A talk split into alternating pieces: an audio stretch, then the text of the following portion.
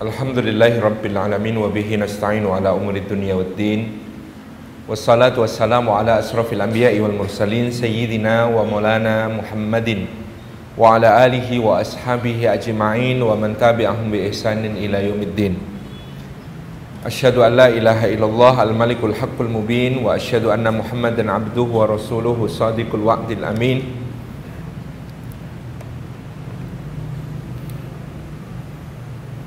ثم أحييكم بتحية الإسلامية تحية طيبة مباركة تحية من عند الله تحية أهل الجنة السلام عليكم ورحمة الله وبركاته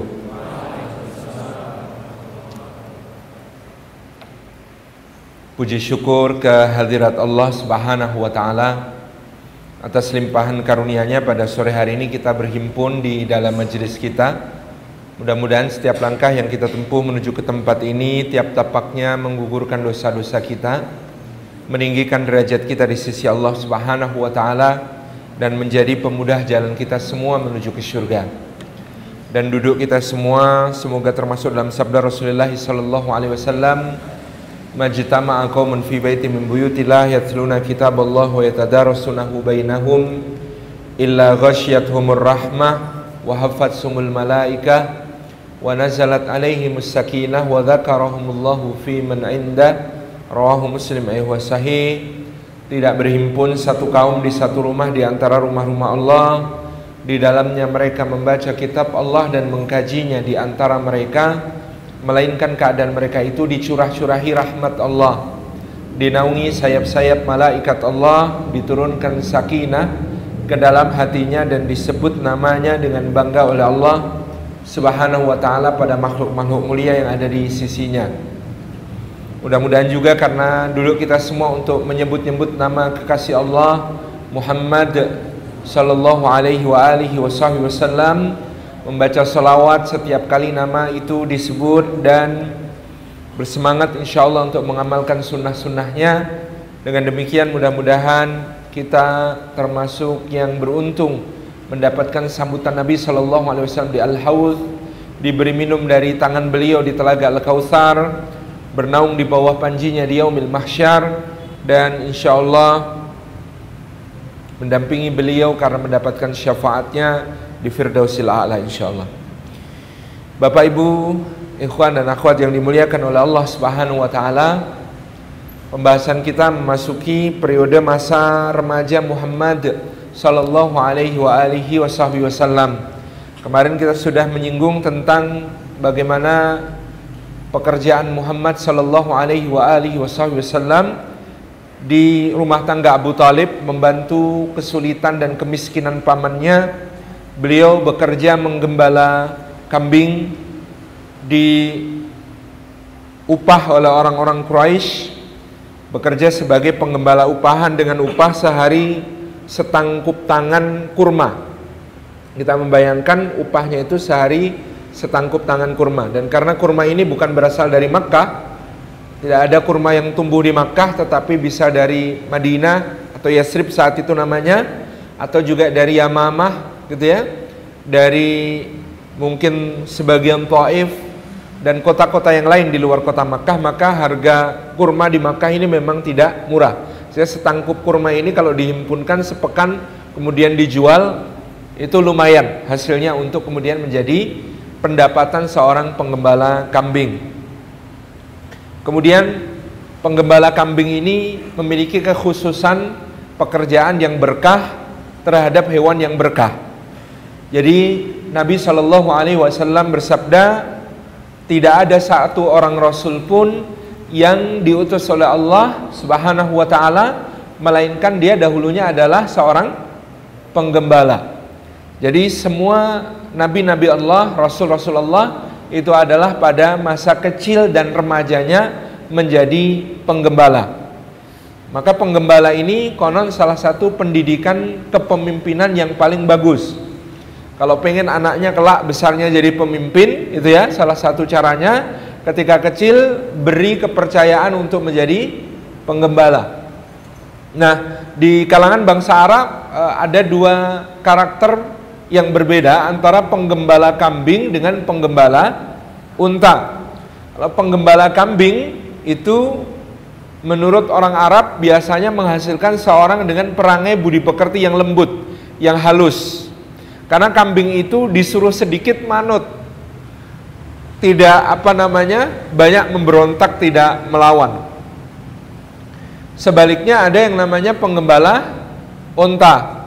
Penggembala unta ini menghasilkan biasanya pribadi yang keras dan tegas. Nah, dia untanya itu gede-gede dan banyak. Jadi dia itu harus lari ke sana kemari supaya untanya ini tidak salah jalan gitu ya. Harus ngawal kadang-kadang dengan pukulan dan lain sebagainya. Berbeda dengan gembala kambing asal dia berjalan kambingnya itu akan mengikuti. Maka kalau ada dua tipe kepemimpinan dari orang yang menggembala kambing dengan orang yang menggembala unta. Kalau yang menggembala kambing akan tumbuh seperti Rasulullah Sallallahu Alaihi Wasallam yang oleh Allah Subhanahu Wa Taala disebutkan fabima rahmatim minallahi lintalahum maka disebabkan rahmatnya Allah Subhanahu wa taala maka kamu wahai Muhammad lain punya sifat kelembutan kepada orang-orang yang ada di sekitarmu. Kepemimpinannya itu dihiasi sifat alinah atau kelembutan. Walaupun tafaddan ghalidal qalb lang faddu min haulik seandainya engkau Muhammad faddan bersikap kasar ghalidal qalbi dan berhati keras langfat dumin haulik maka niscaya mereka orang-orang itu akan bubar akan pergi meninggalkanmu. Nah kalau menjadi penggembala onta maka dia biasanya faddon kasar keras tetapi tidak dal qalb tidak berhati keras hatinya tetap lembut maka seperti Sayyidina Umar bin Khattab itu perangainya di luar keras kasar akan tetapi hatinya tetap lembut. Itulah yang ada pada pribadi seorang Sayyidina Umar bin Khattab. Jadi ada penggembala kambing seperti Rasulullah SAW yang memiliki sifat lain, sempurna luar dalam. Tetapi ada yang mengembalakan unta seperti Sayyidina Umar bin Khattab, di luarnya keras dan kasar meskipun di dalam hati dia seorang penyayang yang sangat lembut. Ini dua tipikal kepribadian yang tumbuh dari asal pekerjaan masa kanak-kanak dan remajanya. Di penggembala kambing tumbuh menjadi orang yang lembut hatinya. Nah, kita lihat nabi-nabi penggembala ini punya kelembutan yang luar biasa. Nabi-nabi yang kemudian mereka pada masa kecilnya menggembalakan kambing, pada masa dewasanya menggembalakan umat. Pada masa kecilnya menggembala kambing, pada masa dewasanya memimpin satu umat yang besar. Kambing sendiri memiliki keberkahan yang disebutkan oleh Nabi Shallallahu Alaihi Wasallam. Kata Nabi SAW dalam bentuk perintah pelihara kambing karena di dalam kambing itu terdapat banyak keberkahan. Keberkahannya kambing ini disebutkan secara nas dan qat'i artinya memang kita ini apa namanya diarahkan untuk kemudian kalau mulai beternak salah satu alternatif yang disebutkan oleh Nabi SAW adalah kambing. Jadi kambing ini berkahnya di mana? Mungkin ada yang mengatakan, oh kambing itu bikin kolesterolnya tinggi, bikin darah tinggi gitu ya, bikin stroke dan lain sebagainya. Ini biasanya kambing salah perlakuan. Jadi saya punya kawan-kawan orang Arab, salah satunya Ustaz Syarif Ja'far Baraja itu beliau mengatakan Orang Arab asal makan kambingnya disiplin pakai bumbu dan cara masak Arab, insya Allah selamat beliau. Tapi kalau orang Arab makan daging kambing, bumbunya coro Jawa gitu ya. Nah, itu alamat umurnya pendek beliau.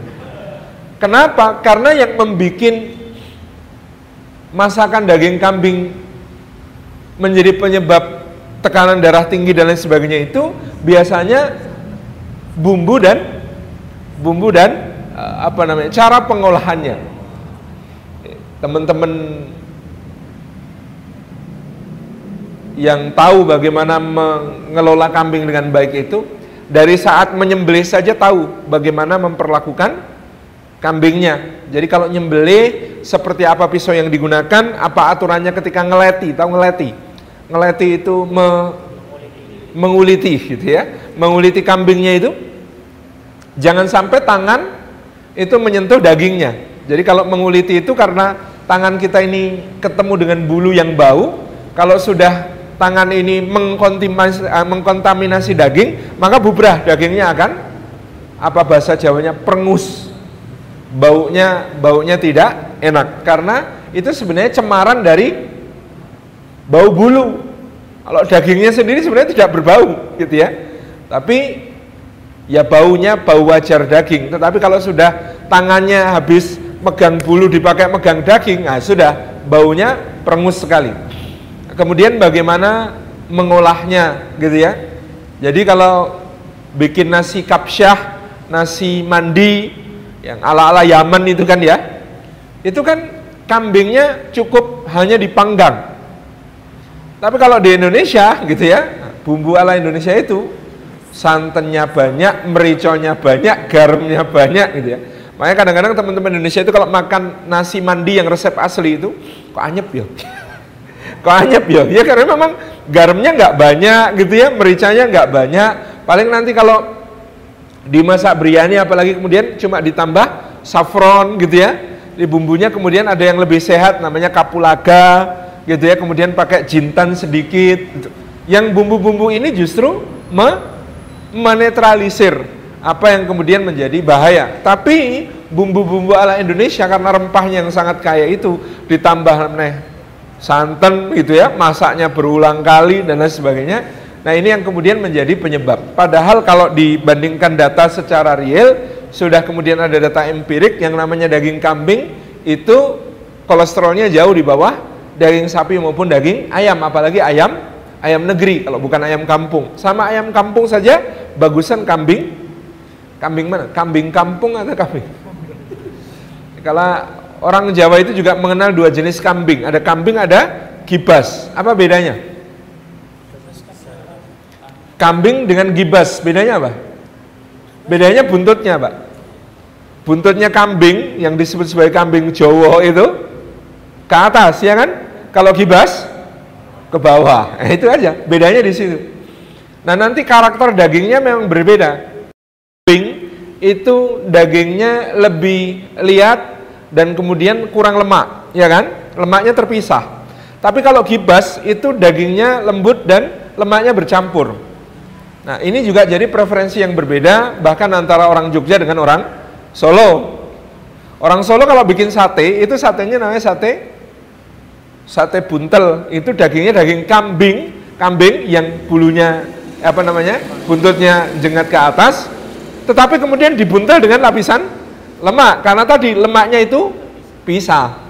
Tapi kalau orang Jogja itu pakainya gibas yang buntutnya turun ke bawah, maka karena sudah cukup lemak karena dagingnya ini bercampur lemak, maka satenya nggak dibumbui macam-macam namanya sate kelada gitu ya. Itu preferensi berbeda. Itu sate kelada yang termasuk salah satu alternatif yang sehat karena kita menikmati daging. Saya tidak promosi lah ya. Tapi kalau setelah ini mau kenjejeran, monggo. Itu itu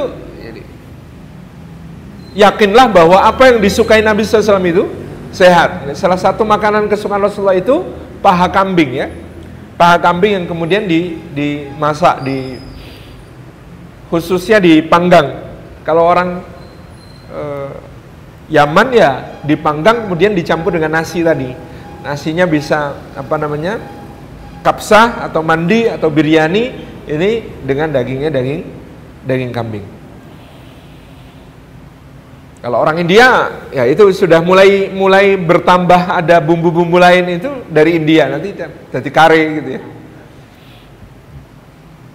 Eh, karena kare itu kemudian nanti rempah-rempahnya sangat kaya. Nah itu yang kemudian yang biasanya masuk ke peredaran darah yang meninggikan meninggikan apa yang kemudian disebut sebagai kolesterol, apa yang disebut tekanan darah, macam-macam. Tapi sebenarnya sudah diyakinkan oleh para dokter ya, makanan itu cuma 20%. 80% itu biasanya proses di dalam tubuh. Jadi asupan makanan itu mempengaruhi kadar kolesterol, kadar gula darah, kadar apa namanya? trigliserid mungkin, kemudian kadar lain-lain itu sebenarnya cuma 20%. 80% itu proses metabolisme. Ketidakberesan metabolisme itu punya faktor yang lebih besar dalam mempengaruhi berbagai macam penyakit degeneratif dibandingkan asupan. Maksudnya misalnya saya dulu punya eyang itu sakit di rumah sakit gitu ya.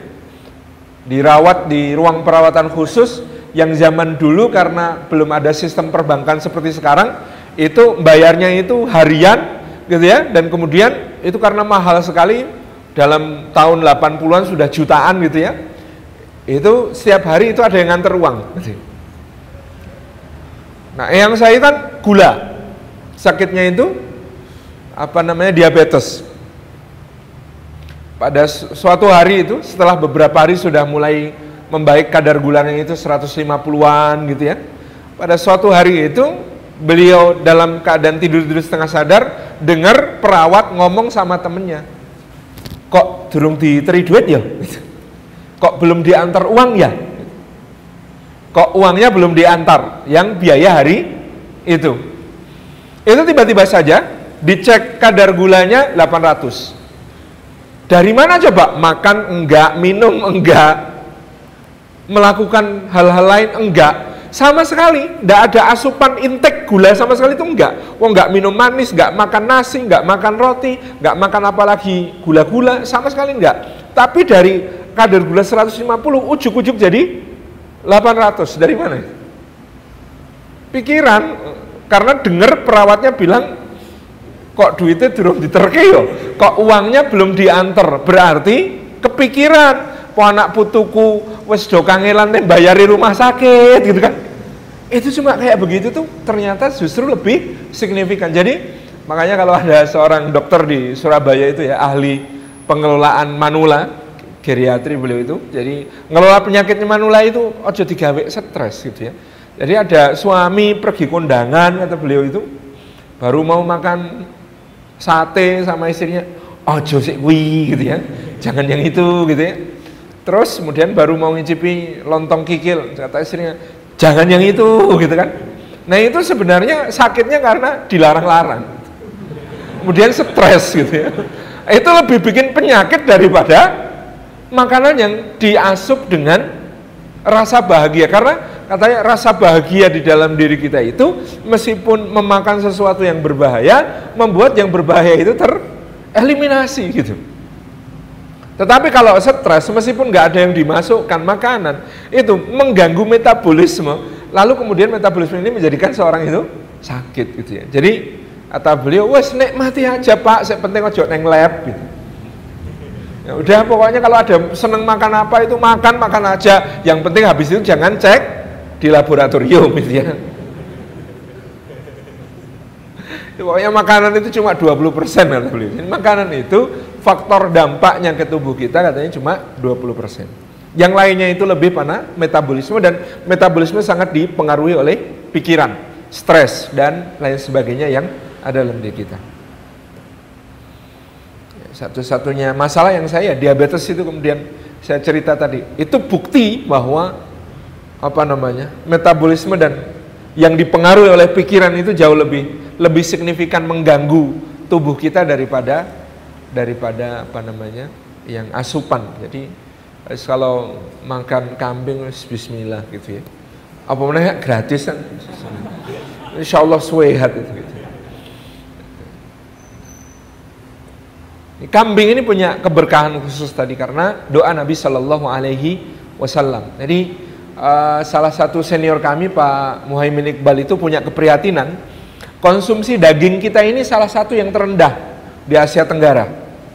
Konsumsi daging per kapita per tahun penduduk Indonesia itu jauh lebih rendah daripada Malaysia, lebih rendah daripada Singapura jelas, lebih rendah daripada Thailand, daripada Vietnam. Kita cuma menang dari Kamboja dan Myanmar. Kamboja dan Myanmar perang terus gitu ya pantas makan dagingnya dikit itu. Oh kita ini aman damai tentram kok makan dagingnya sedikit itu. Padahal betapapun gitu ya, sebagaimana disebutkan dalam Quran, daging itu penting sebagai bagian dari intake protein bagi orang-orang yang ingin ber uh, tumbuh dan keadaan yang baik gitu ya. Ini saya melihat generasi sesudah saya ada itu kadang-kadang prihatin. Saya kan produk swasembada beras gitu. Jadi saya itu lahir tahun 84 itu tahun 84 itu Presiden Soeharto dapat penghargaan dari FAO Badan PBB tentang pangan karena suasana pada beras dan uh, perbaikan gizi seluruh rakyat Indonesia. Tapi generasi yang lahir apalagi dekat-dekat krisis ekonomi 97 gitu ya. Antum ada yang lahirnya 97 gitu. Nah, itu pasti biasanya lebih pendek dari saya gitu. Oh saya aja lebih pendek daripada eyang saya, saya saja lebih pendek daripada kakek saya. Penjenengan kalau ke museum apa namanya Karisedenan Magelang itu, Karisedenan Kedu, Museum Karisedenan Kedu di Magelang, lihat jubahnya Pangeran Diponegoro. Lihat jubahnya Pangeran Diponegoro itu, saya aja make itu, itu klengsreh. Padahal digambarkan beliau kalau pakai jubah, jubahnya itu cuma sampai pertengahan betis. Nah, itu level saya saja klengsreh. Berarti dulu beliau lebih lebih besar, lebih tinggi besar. Berarti antum kurang gizi betul gitu. Bayangkan Pangeran Diponegoro ini kan memang dibesarkan dalam Puri Tegalrejo yang makmur itu. Berasnya itu hasil berasnya dalam setahun itu 3000 pikul.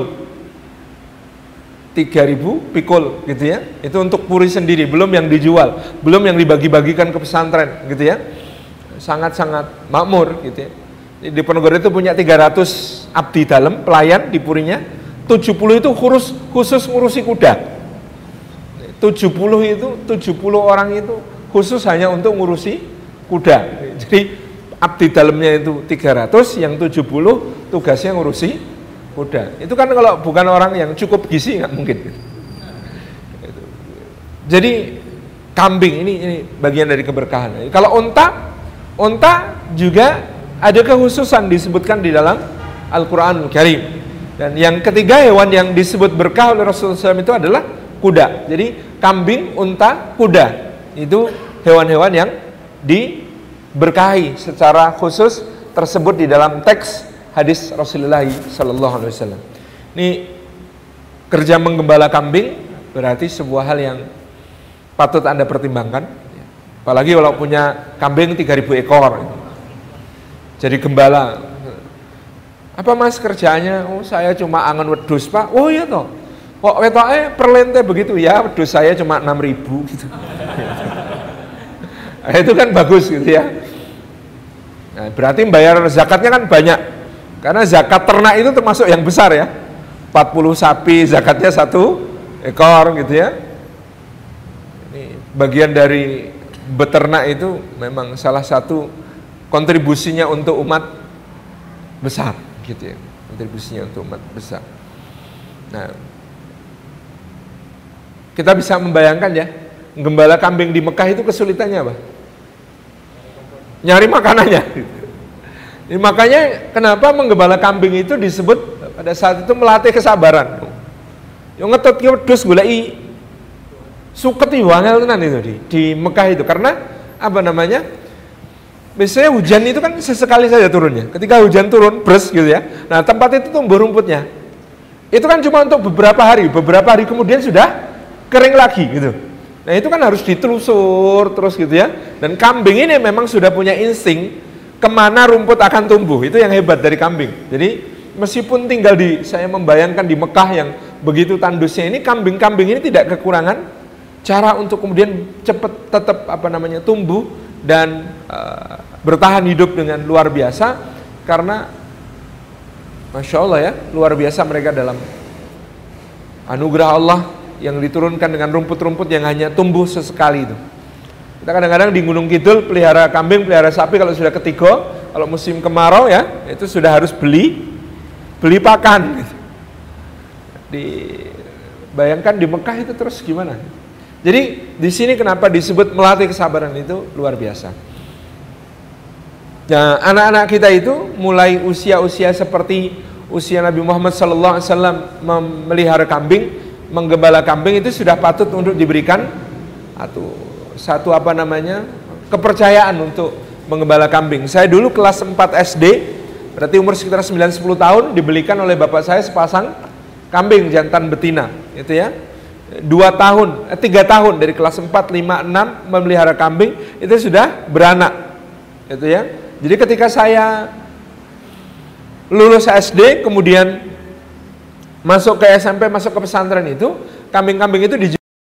Ternyata itu sudah bisa menutup seluruh biaya masuk SMP dan masuk pesantren. Itu diceritakan bapak saya, sampai sekarang bangganya nggak hilang-hilang. Itulah kamu sendiri yang bayari masuk pondok sama masuk SMP. Kenapa? Dari kambing-kambing yang kamu gembalakan itu dijual itu sudah bisa untuk untuk biayai kamu masuk sekolah. Jadi ini memang bagian dari pendidikan seorang untuk menjadi manusia dewasa sebetulnya. Jadi makanya 0 sampai 2 tahun disebut bayi, 2 sampai 7 tahun disebut kanak-kanak, 7 sampai 10 belajar ibadah. Karena kalau 7 diperintahkan sholat, 10 kalau belum mau sholat boleh dipukul gitu ya. 7 sampai 10 ini batas didisiplinkan ibadahnya. 10 sampai balik, balik itu ya maksimal umur 15 biasanya gitu kan.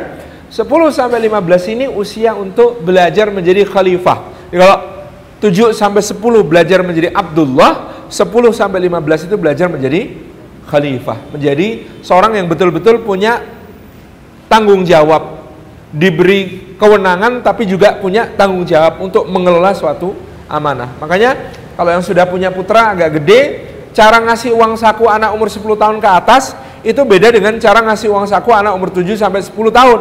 Kalau 7 sampai 10 tahun ini uang saku mulai 10 ribu, 2 ribu untuk ini, 4 ribu untuk ini, gitu ya, 2 ribu untuk ini, 2 ribu untuk ini. Itu ditentukan.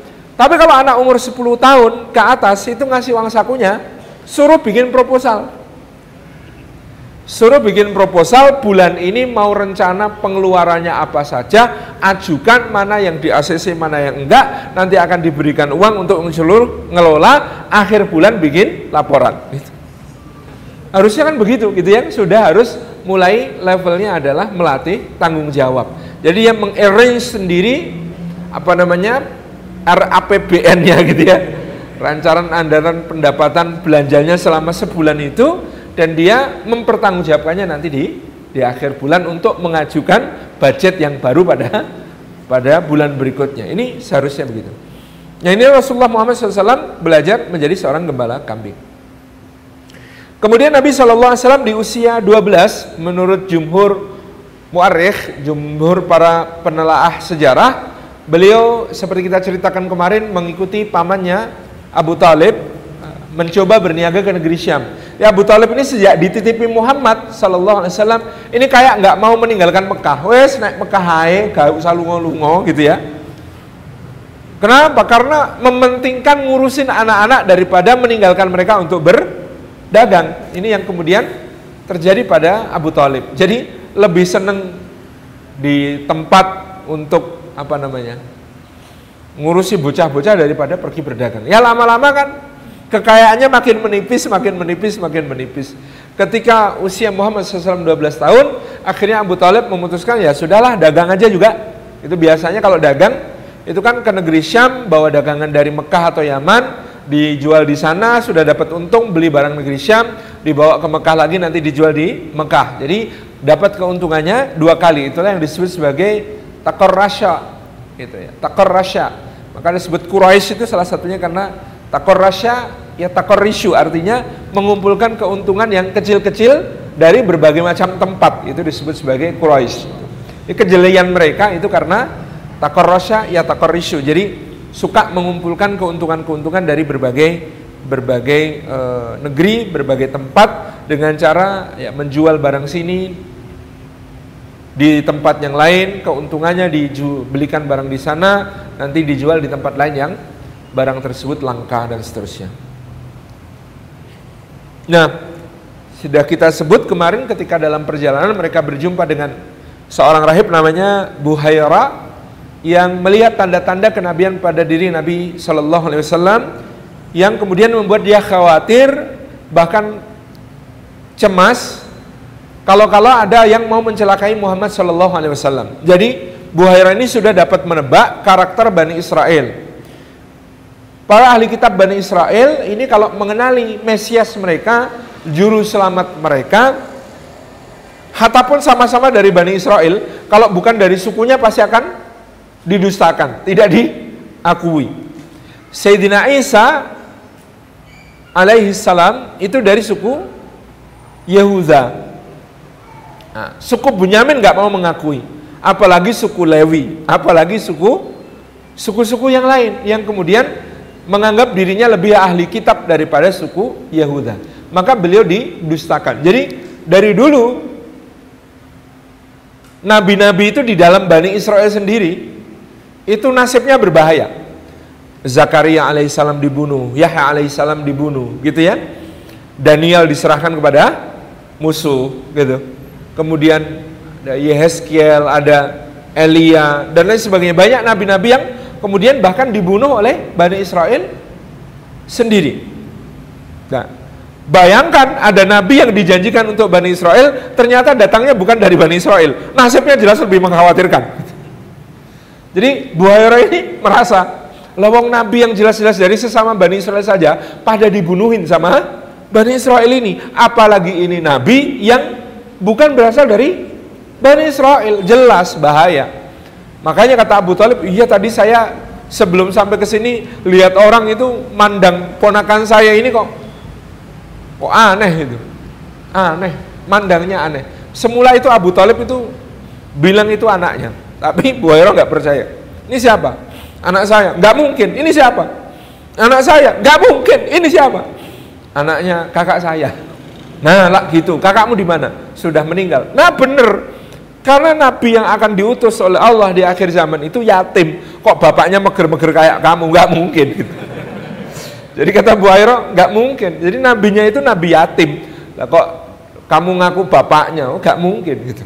Jadi Bu Haira ini melihat tanda-tanda kenabian itu pada Muhammad SAW, mengkonfirmasinya kepada Abu Talib, selesai. Dia yakin, ini nabinya. Jangan, jangan lanjutkan perjalanan, pulang. Kenapa pulang?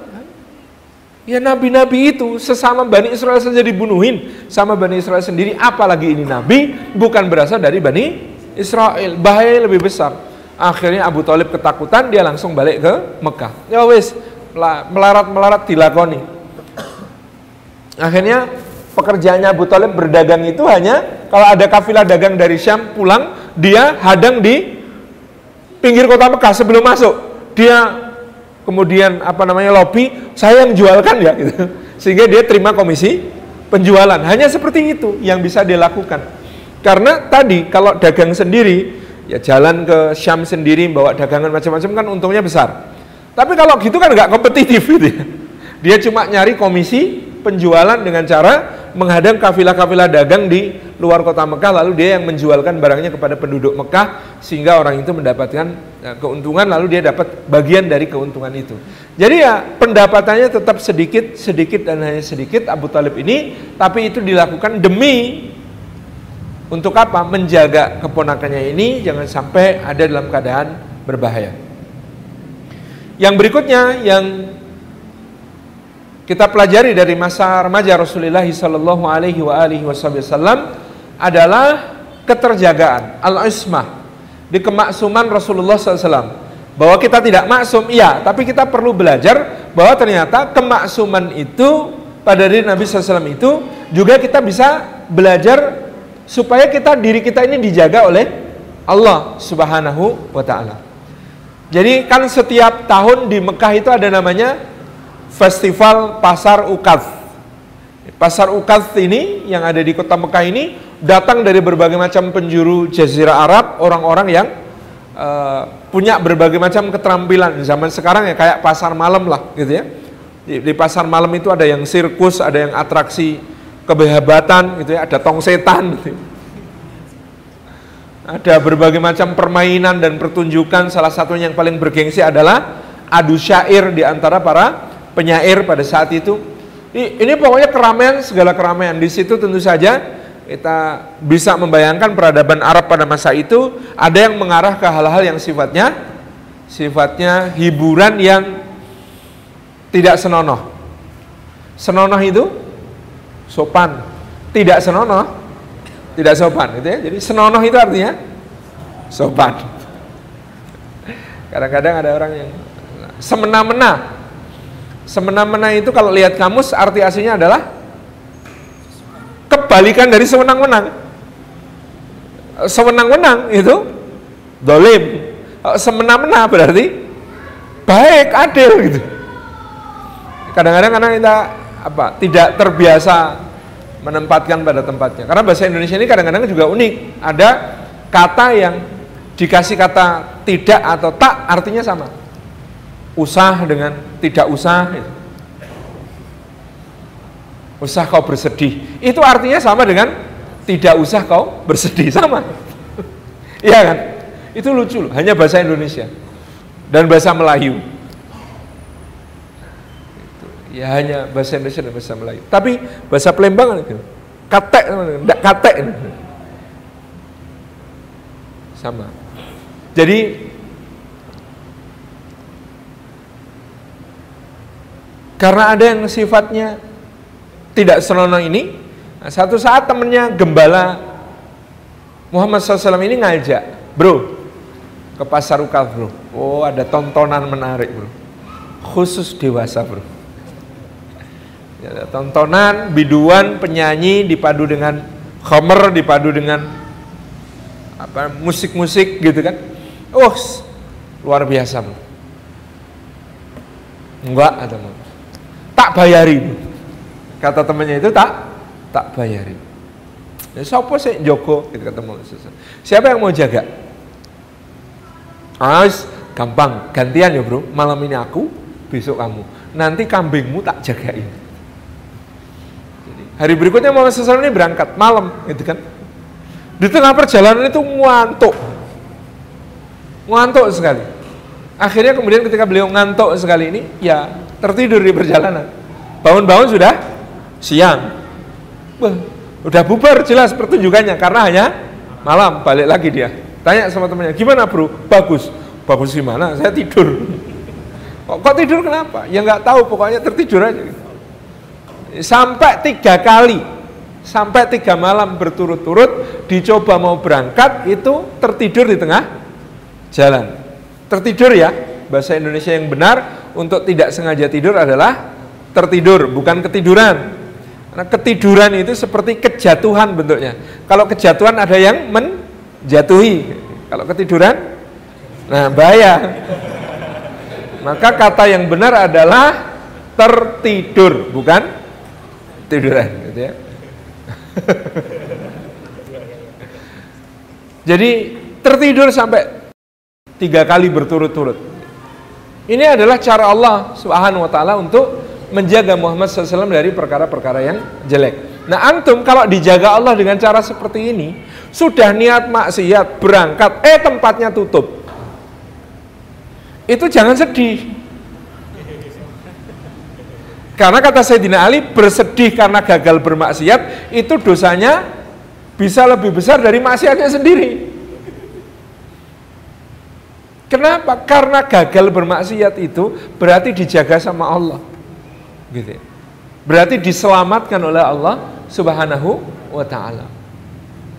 Gitu. Dijaga secara Masya Allah ya.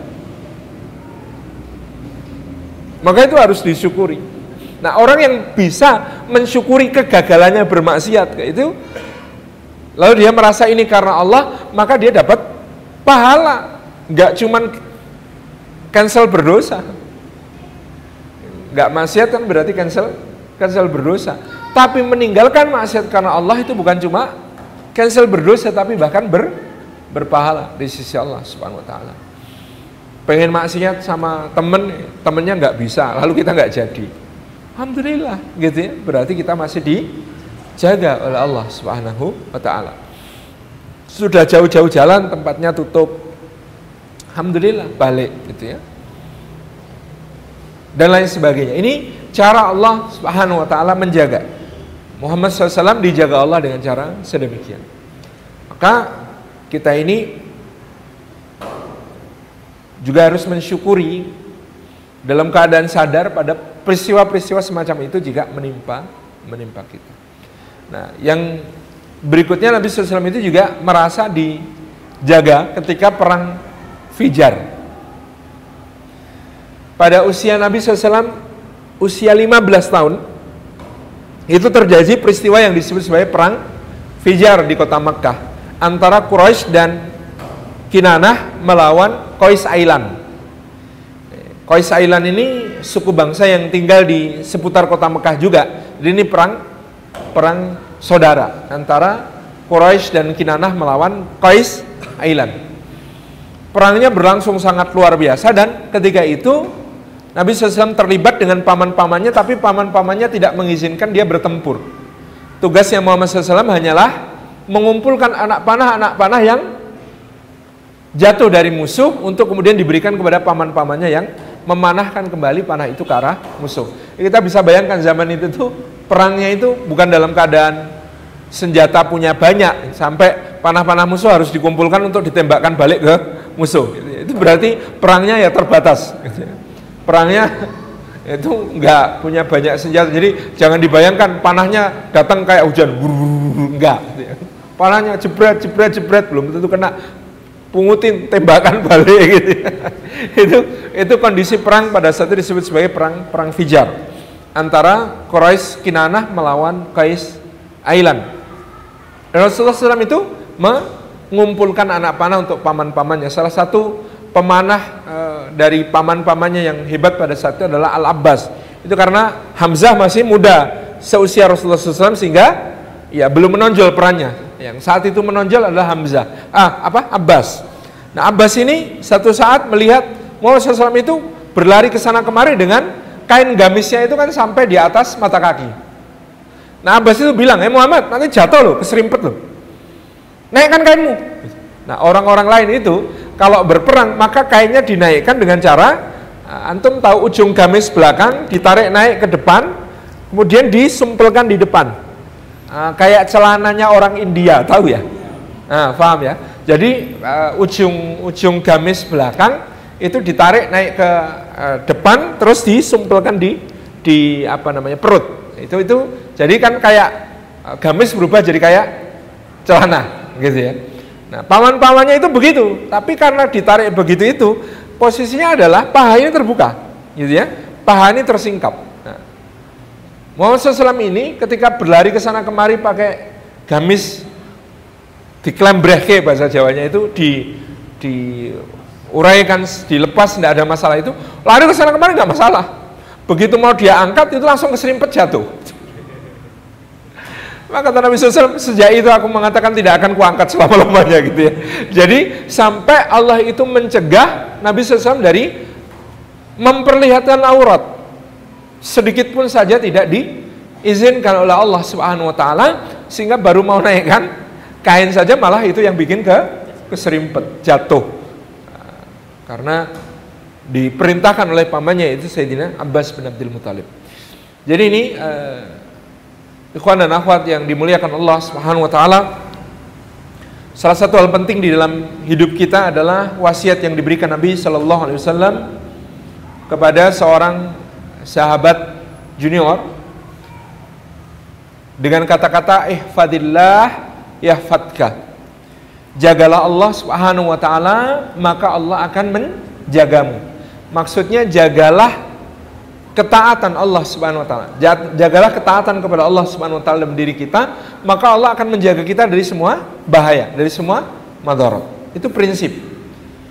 Kita ini jagalah Allah jangan sampai kita melanggar apa-apa yang diberi batas oleh Allah janganlah kita membuat Allah tidak ridho kepada kita gitu ya selama itu kita lakukan menjaga Allah di dalam diri kita menjaga Allah supaya tidak meninggalkan kita maka Allah akan senantiasa menjaga kita dari segala apa pun yang bisa menimpa kita kalau kita ini terbiasa menutup aurat di saat kita sadar maka Allah akan menutup aurat kita di saat kita tidak sadar.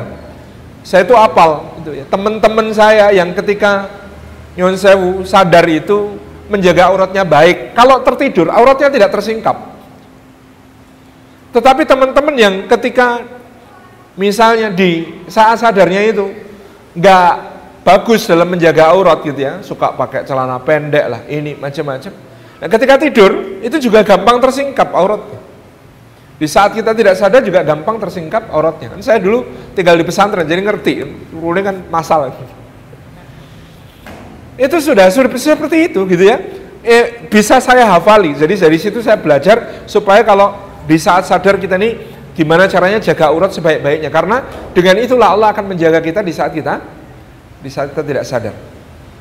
Demikian pula di kalau di saat kita ini apa namanya sendiri gitu ya kita menyadari Allah senantiasa mengawasi kita sehingga kita tidak melakukan hal-hal yang dimurkai Allah maka di saat kemudian kita di keramaian nggak akan pernah kita ini jatuh harga diri karena karena orang memandang rendah kita gitu disebabkan karena karena apa namanya kita punya rasa malu kepada Allah lebih-lebih apalagi rasa malu kepada juga manusia gitu. Jadi jagalah Allah maka Allah pasti akan menjaga kita. Ini pelajaran dari uh, Rasulullah Muhammad SAW bagi kita semuanya. Jagalah Allah maka Allah akan senantiasa tajidhu amamak kata Nabi SAW ihfadillah tajidhu amamak kalau kamu selalu menjaga Allah subhanahu wa ta'ala maka kamu akan dapati dia senantiasa berada di depanmu kamu minta apa saja akan diberikan kamu memohon apa saja akan dijaga ada cerita ya ini salah satu riwayat sahih tentang biografi Imam Ahmad rahimahullah taala ketika disiksa di zaman Al-Mu'tasim beliau itu di apa ikat kemudian dicambuki. Dicambuki. Ketika beliau dicambuki itu sampai celananya ini sabuknya putus. Maka Imam Ahmad ini berdoa, "Ya Rob, Engkau sudah izinkan mereka untuk menyiksaku, maka jangan pernah izinkan mereka melihat auratku." Dan kemudian yang sabuknya lepas kemudian celana hampir melorot ini naik kenceng lagi, terikat gitu. Ini salah satu karamahnya Imam Ahmad rahimahullah taala. Jadi beliau dicambuki di dalam keadaan kayak di apa namanya? Uh, diikat di tempat yang tinggi begitu sampai ketika dicambuk ini sabuknya putus. Nah, beliau berdoa kepada Allah, "Ya Allah, Engkau sudah izinkan mereka untuk menyiksaku. Jangan izinkan mereka melihat auratku." Set, ya. Jadi sabuknya itu bertaut lagi. Ini salah satu karamah Imam Ahmad yang diriwayatkan secara sahih di dalam biografi beliau. Ya, kalau kita menjaga Allah Subhanahu wa taala, maka Allah menjaga kita di saat seperti apa pun. Diyakinlah dengan menjaga Allah, salah satu cara menjaga Allah. Saya dulu ditanya waktu SMA itu, kalau selesai jam sekolah, baju atasan saya ganti baju koko. Guru tanya, Salim ngapain ganti baju koko segala? anu Bu Guru, saya itu potensi nakalnya besar. Kalau pakai baju seperti ini saya malu sama diri sendiri, saya malu sama pakaian saya. Insya Allah nggak aneh-aneh dengan pakaian seperti ini. Saya jadi kebiasaan, kuliah pun begitu, gitu ya. Kuliah pun begitu. Saya pakai apa namanya baju ngampus itu pakai baju yang pokoknya lehernya leher begini bukan ada gininya gitu ya. Itu mau ke mana saja mau aneh-aneh malu kok masuk warnet mau buka yang aneh-aneh juga malu kok gitu kan jadi ini menjaga cara kita menjaga kita punya kiat masing-masing apa sih kiatnya bisa dengan jaga wudhu jaga wudhu itu salah satu kiat terbaik untuk menjaga diri kita jadi uh, orang itu kalau sudah punya wudhu kan eman-eman tau wudhunya batal maka eman-eman juga dipakai maksiat gitu ya ini salah satunya begitu kata Imam Al-Ghazali kalau ngelakoni kebaikan melaksanakan amal soleh siapa pun bisa tapi menghindari maksiat itu hanya hamba-hamba Allah yang terpilih. Paham maksudnya? Jadi ketika ditanya beliau itu mudahnya tirakatnya apa? Tirakatnya satu. Kalau bisa menjaga diri dari maksiat. Karena kalau soal mengamalkan kebaikan, beramal soleh itu bisa. Semua orang bisa. Tapi menjaga diri dari kemaksiatan itu hamba-hamba Allah terpilih. Gitu ya. Paham maksudnya?